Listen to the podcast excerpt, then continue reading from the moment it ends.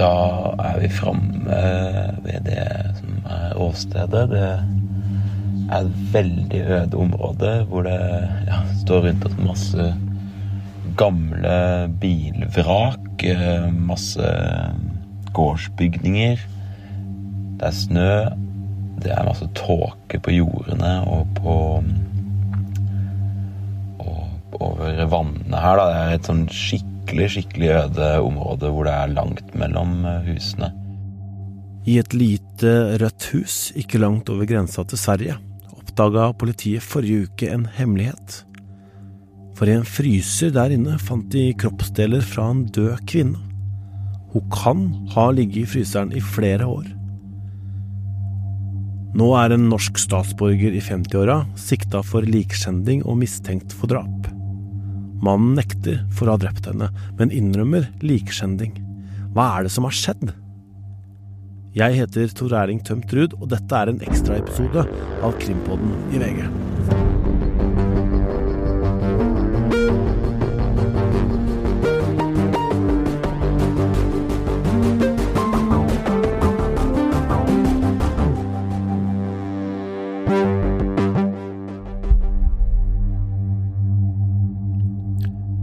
Krimjournalist i VG, Ådne Husby Sandnes, er på vei opp til det lille røde huset som ligger i enden av en grusvei. Så nå ser jeg opp på det som eh, skal være huset der hvor disse nordmennene bodde. Der står også VGs fotograf og tar bilder. Hun kom litt før meg hit. Og der står det også en svensk politibil. Nå skal vi prøve å se om det er mulig å få prata med noen her om hvordan eh, Om de kjente disse nordmennene som bodde på dette Ja, dette huset som ganske så øde på grensa til Norge. Krimjournalist i VG, Ådne Husby Sandnes, er på vei opp til det lille røde huset som ligger i enden av en grusvei. Her skal mannen som nå er sikta, og kvinnen som er funnet død, ha flytta til en gang for flere år siden. Ifølge Aftonbladet i Sverige skal de to ha vært samboere. Naboer forteller at de hørte rykter om at mannen hadde en samboer, men at de aldri hadde sett henne. Men NRK har snakket med en nær venn av den nå sikta nordmannen, som sier at han har treff treffet den norske kvinnen, og at han snakket med henne jevnlig et par år. Vennen forteller til NRK. Hun forsvant til Norge og kom til et sykehjem eller noe sånt, har han sagt til meg. Ådne, du har jo vært i eh, Sverige i helga, og, og vært på det stedet hvor dette skjedde, eh, og det huset der. Hvordan så det ut? Det er jo et veldig øde sted. Eh, Selve det lille røde huset ligger mot enden av en fuktig grusvei med sånn snødekte jorder på hver sin side. Det var tåkete på jordene, tåkete på små tjern langs veien inn der. Og så er det sånn typisk bondeland, da. Men du fikk veldig sånn Fikk litt følelsen av eh, Jo Nesbø og krimroman, i hvert fall når man visste hva man eh, var på vei til. Mm. At uh, du får en sånn atmosfære, og at været der var jo ikke akkurat uh, heldig sånn sett, da. Nei, det var, det var, det var liksom Det var litt sånn uggent. Ja. Mm. Du snakka altså da med naboer rundt der. Hva fortalte de? De fortalte jo eh, om en nordmann som de eh, sjelden så. Eh, han kunne kjøre forbi, og de var liksom ikke helt på hils med han heller. Fikk ikke helt reisen på han. De oppfatta han litt som en einstøing, de, de jeg snakka med. Eh, og når det gjelder hun kvinnen, så var det jo flere av de nærmeste naboene som ikke hadde sett henne på flere år, og hadde gått forbi der og lurt på hvor det, hvor det ble av denne dama som angivelig skulle bo der. da. Flere av dem hadde aldri sett henne. Mm. Hva annet var det de hadde sett da rundt eiendommen der? Nei, de, de hadde bare gått tur forbi, og de hadde, ingen av de jeg snakka med, hadde på en måte vært inne der eller vært på besøk eller, eller den type ting eh, av de nærmeste naboene. Men så kom vi jo i kontakt med denne mannen som beskrev seg som eh, hans næreste venn, da. Mm. Hva sa han? Nei, han eh, var jo i sjokk eh, etter å ha skjønt at eh, hans næreste venn var, eh, var pågrepet for dette her, og at han eh, da angivelig hadde erkjent denne likskjendingen. og han sa jo at han hadde kjøpt en bil av uh, dette samboerparet nordmennene i høsten 2017. Uh, og da hevder han at hun var i live, da. Uh, og et år seinere så skal jo da kvinnen angivelig ha vært død. Altså det svensk politi opererer jo med at hun, hun kan ha vært død så lenge som høsten 2018. Mm. Hvordan reagerer de som bor i dette området på det som har skjedd? Nei, Det er jo selvfølgelig når du får en så absurd sak i fanget når du bor så øde til. Det er jo det, det, er det mange sier, at dette er den fredeligste plassen på jord. Det er jo, Vi kunne jo aldri forvente at noen hadde kroppsdeler i en fryser her, eller at uh, medier fra både Sverige og Norge og politiet skal, skal, skal, troppe opp i en sånn sak, selv om det var naboer som sa at politiet hadde vært på døra hos han tidligere, for han er jo og de, også i Sverige straffedømt eh, tidligere og vært i politiets søkelys for uh, ulovlig kjøring og fyllekjøring. Også, også i, og i, Norge har han en straffehistorikk som, som uh, bl.a. dreier seg om uh, voldtekt på 90-tallet, andre sedelighetsforbrytelser, og, og også blotteepisoder. Så vi har jo snakket med en dame som som i dag er en dame, men som den gangen var en jente, og som han blotta seg for uh, da på skoleveien. I VG så har vi jo publisert et bilde av uh, dette paret uh, som vi har sladda. Uh, men det ser ut som de er på en grillfest og han spiller gitar osv. Hva, hva veit vi om omstendighetene rundt her? Vi fikk jo tak i et bilde som er tatt av en person da, som vi også har snakka med. Og han forteller at bildet er tatt i sammenheng med at det ble bygd en liten badebrygge ved et av disse tjernene som ligger på landsbygda her. Og da hadde da nordmannen og hans samboer eh, nettopp flytta til eh, Sverige. De kom jo i 2009, og dette her var i 2010. Og på bildet ser man jo han nordmannen sitte og spille gitar, og han eh, som vi har snakka med, sier han sang og var hyggelig og liksom Ja, sang, sang, og spilte. Mens hun var mer stillfaren, da, og var mer stille og han kan ikke huske å ha prata med henne i det hele tatt. Og dette er også en person som bor i området, og han kan heller på en måte ikke huske å ha prata med denne kvinnen, bare sett henne sånn kjøre bil og sett henne i området, da. Mm. Hvordan er det som eh, reporter å komme til Sverige og dekke dette? Når man jobber som journalist på et sånt sted, så handler det jo veldig om å, å finne personer som kjente han, og som kjente henne, og nøste i informasjon. og vi fant jo ganske kjapt ut av eh, noen ting her som var ganske mistenkelig, da. Dette med at uh, ingen hadde sett henne på flere år, og hun var fortsatt registrert på denne boligen, og det var jo ganske mange ubesvarte spørsmål. Men samtidig så begynte det å tegne seg et bilde av ja, noen ting som ikke kanskje ser så bra ut, da. Blant annet at hun har jo fått uh, pensjon, virker det som, hele veien, og opp mot 800 000 kroner de siste årene hvor hun angivelig skal være død. og ja, det er jo å prøve å nøste disse små tingene her, da. Mm, dette blir jo en sak som vi kommer til å jobbe med framover også. Mm, ja, det vil jeg absolutt tro. Mannens forsvarer, Stefan Liljebekk, sa dette til journalistene. Hva har han forklart om hvordan denne kvinnen døde hjemme hos ham? Det har han også sagt under denne forhandlingen, der jeg har ytringsforbud. Så det kan jeg ikke si. Hvilken relasjon hadde han til kvinnen? Det kan jeg ikke heller si, for det knyter også an til oppgifter som har lämnats här mm. under stengte dører. Hvordan mår din klient? Han mår ganske bra, men han har vondt i benet. Ja, han, ledde, han hadde krykker. han hadde krykker ja. Hvorfor hade han en handduk over huvudet? Ja, det er for at ni journalister var her. er han fortsatt siktet for mord? Ja, det var en faktisk litt knepig juridisk fråga. Tingsrätten har jo ikke hektet honom for mord. Va? Så att han är ikke siktet av domstolen for noe mord. Men om åklagaren fortfarande anser at han har gjort seg skyldig til mord, det er en annen sak. Det. Så du vet ikke som forsvarer om han fortsatt er mistenkt eller siktet for drap? Ja, jeg ser det vel som så at han er vel siktet for drap i nuläget. Av åklagaren, altså ikke av domstolen. Då. Hvordan har han det? Hvordan mottok han denne beskjeden? Ja, han tok det bra. Mm. Er han overrasket? Det tror jeg ikke. Det forsvarer Stefan Lillebekk sier her, er at retten ikke har funnet bevis for drap, og har derfor ikke varetektsfengsla mannen på bakgrunn av drap, men pga. likskjending. Men politiet og påtalemyndigheten anklager ham for drap. Journalistene snakka også med åklageren, som det heter i Sverige, Linda Karlsson fra påtalemyndigheten. Jeg kan si at uh, den avlidne kvinnen er ikke ennå uh, helt uh, identifiert.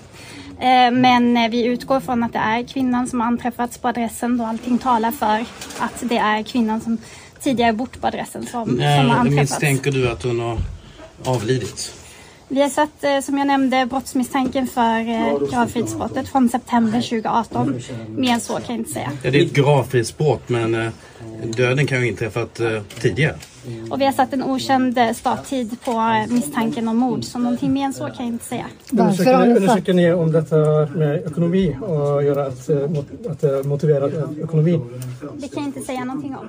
Varför har ni satt 18 september som datum? en, en Ja. i taget så jag kan hvilken hänga grad med. samarbeider han med politiet og svarer på deres spørsmål? Jag kan inte gå in på någonting som har sagts i förhör eller vad som ytterligare framkommit vid förhandlingen då det har eh, meddelats ett yppandeförbud. Vad kommer hända nu framöver? Vi kommer fortsätta den här utredningen och den är ju inne i ett eh, känsligt skede just nu i inledningen. Men eh, utredningen pågår och vi har eh, många utredningsåtgärder att vidta. Bland annat en rättsmedicinsk undersökning då som kan ge svar på varför kvinnan dog. Det stämmer. Hva kan dere si? Hvorfor reiser dere til denne adressen? Hvilke opplysninger fikk dere som førte til at dere dro til denne adressen og fant kvinnen i en fryser? Det fanns oppgifter om at det skulle finnes en kvinne på adressen men i øvrig så kan jeg ikke gå inn på det. Hvem, hvor kom den informasjonen fra? Var det fra siktede selv? Det kan jeg ikke gå inn på. Er det noen vitner som dere har avhørt som har kunne gitt noe nytt lys om hva som skjedde på denne gården? Jeg kan ikke nevne noen ting om hva som har fremkommet i utredningen utover det som jeg redan har sagt.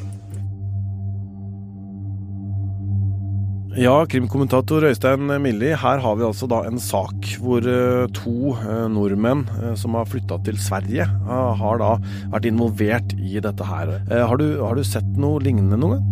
Nei, dette er en veldig, veldig spesiell sak. Ehm, Det har nok skjedd at noen har oppbevart et lik eller eh, gjemt et lik, men ikke under disse omstendighetene her. Dette med at han er sikta for likskjending, eh, hva er det? Det er kort fortalt at du eh, gjør noe med liket eh, som rammes av straffeloven. og det kan være mishandling. Det kan være at du bruker eh, et, et redskap, et verktøy, eh, og rent fysisk eh, mishandler et lik. Eh, Det kan være at du fjerner et lik eh, fra en annens varetekt, som det heter. Og det er jo da gjerne de offentlige myndighetene eller et begravelsesbyrå, kanskje.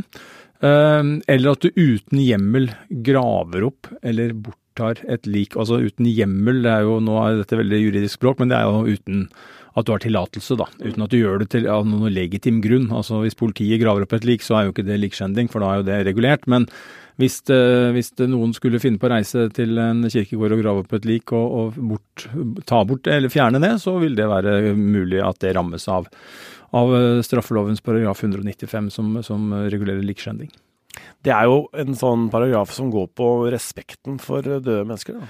Ja, det er jo, øh, den er det, og det er jo bra at det er beskytta, fordi at uh, man øh, Ja, man er død, men, uh, men likevel så har man uh, en rettssikkerhet, og det er jo Det er jo ikke første gangen, og det skjer ikke Jeg skal ikke si at det skjer ofte, men det, vi har jo, hvis man søker seg tilbake i historikken på krimsaker, så er det jo en del siktelser og domfellelser eh, hvor likskjending er en del av eh, bildet. Og da, da blir jo spørsmålet hvorfor har ikke hun blitt eh, savna? Noe må jo ha skjedd her som, som gjør liksom at, at hun har vært borte i flere år, da.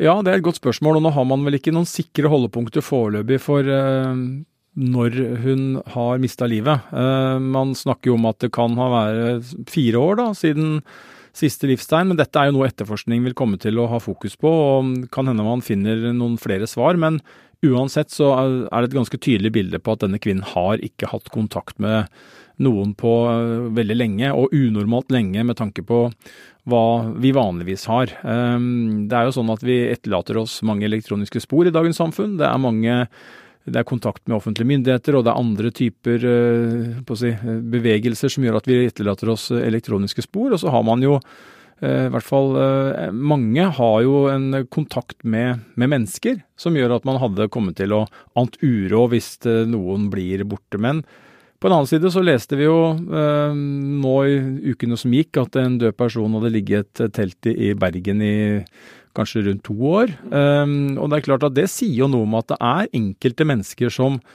mangler dette sikkerhetsnettet, og som av ulike grunner ikke blir fanga opp. Én ting er at man ikke har eventuelle venner eller familie som han har kontakt med.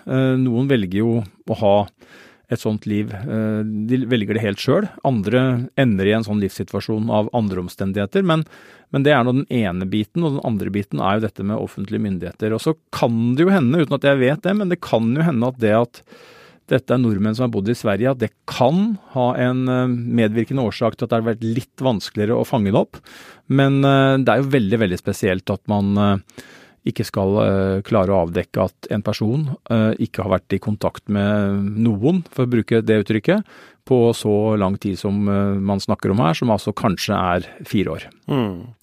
Forsvareren hans sier jo da at denne norske mannen i 50-åra har erkjent at han har hatt kvinnen i fryseren i flere år. Hva, hva annet er det han mannen har forklart? Han erkjenner likskjending, men avviser uh, drap. og Forsvareren mener at det ikke finnes bevis for at mannen har drept henne. Det er jo noe etterforskningen nå kommer til å ha fokus på de neste ukene. Og så sier jo da forsvareren i tillegg at klienten har litt vondt i, i beinet sitt, men at han ikke er overraska over at han er varetektsfengsla. Og det kan man jo forstå, man blir nok gjerne det når noe sånt inntreffer. Ikke minst fordi politiet ønsker fred og ro og kunne etterforske saken uten at da den som er Eh, som erkjenner likskjending og som er sikta for drap, eh, kan eh, påvirke vitner eller andre ting i etterforskningen.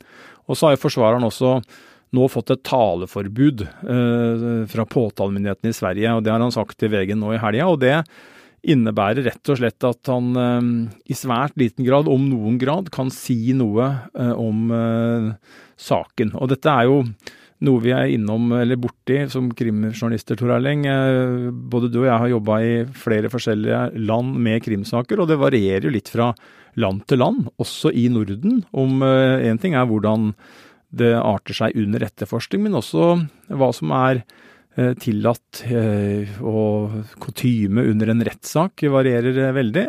Og det som jo er spesielt i Sverige, som vi journalister er veldig fornøyd med, mm. det er jo at eh, når denne saken eventuelt er ferdig etterforska, eh, og at det tas ut eh, da en tiltale, så vil vi få tilgang på hele etterforskningsmaterialet automatisk. Og det gjør at vi har en helt annen mulighet til å dekke en sånn type sak enn det vi ofte har i Norge. Og da er det jo sånn at han kan ikke snakke om saken i noe særlig stor grad før det eventuelt skjer, ikke sant? Nei. Og så er det også sånn, i hvert fall min erfaring er at etterforskninger i Sverige går av eh, sikkert flere grunner. Eh, det har man jo hatt fokus på innimellom. Eh, mye fortere enn i Norge.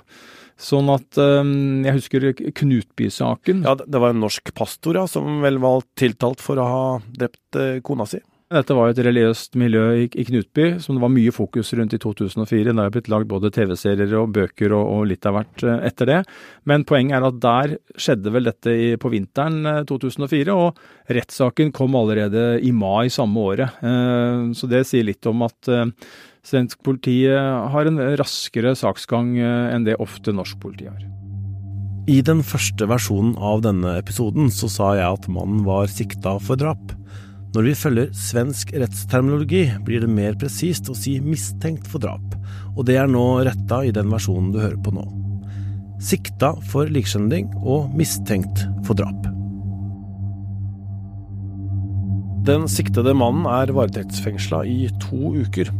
Ådne Husby Sandnes og Naina Helen Ljåma har bidratt til journalistikken i denne saken, som vi skal følge videre i Krimpodden. Krimpoddens redaksjon består av Hanna Espevik, Ruth Einevold Nilsen og Guro Mjeltvik Halvorsen. Produsent for Krimpodden er Vilde Våren, krimkommentator Øystein Milli har vært med, og nyhetssjef er Emilie Hall Torp. Jeg heter Tor Erling Tømmerud.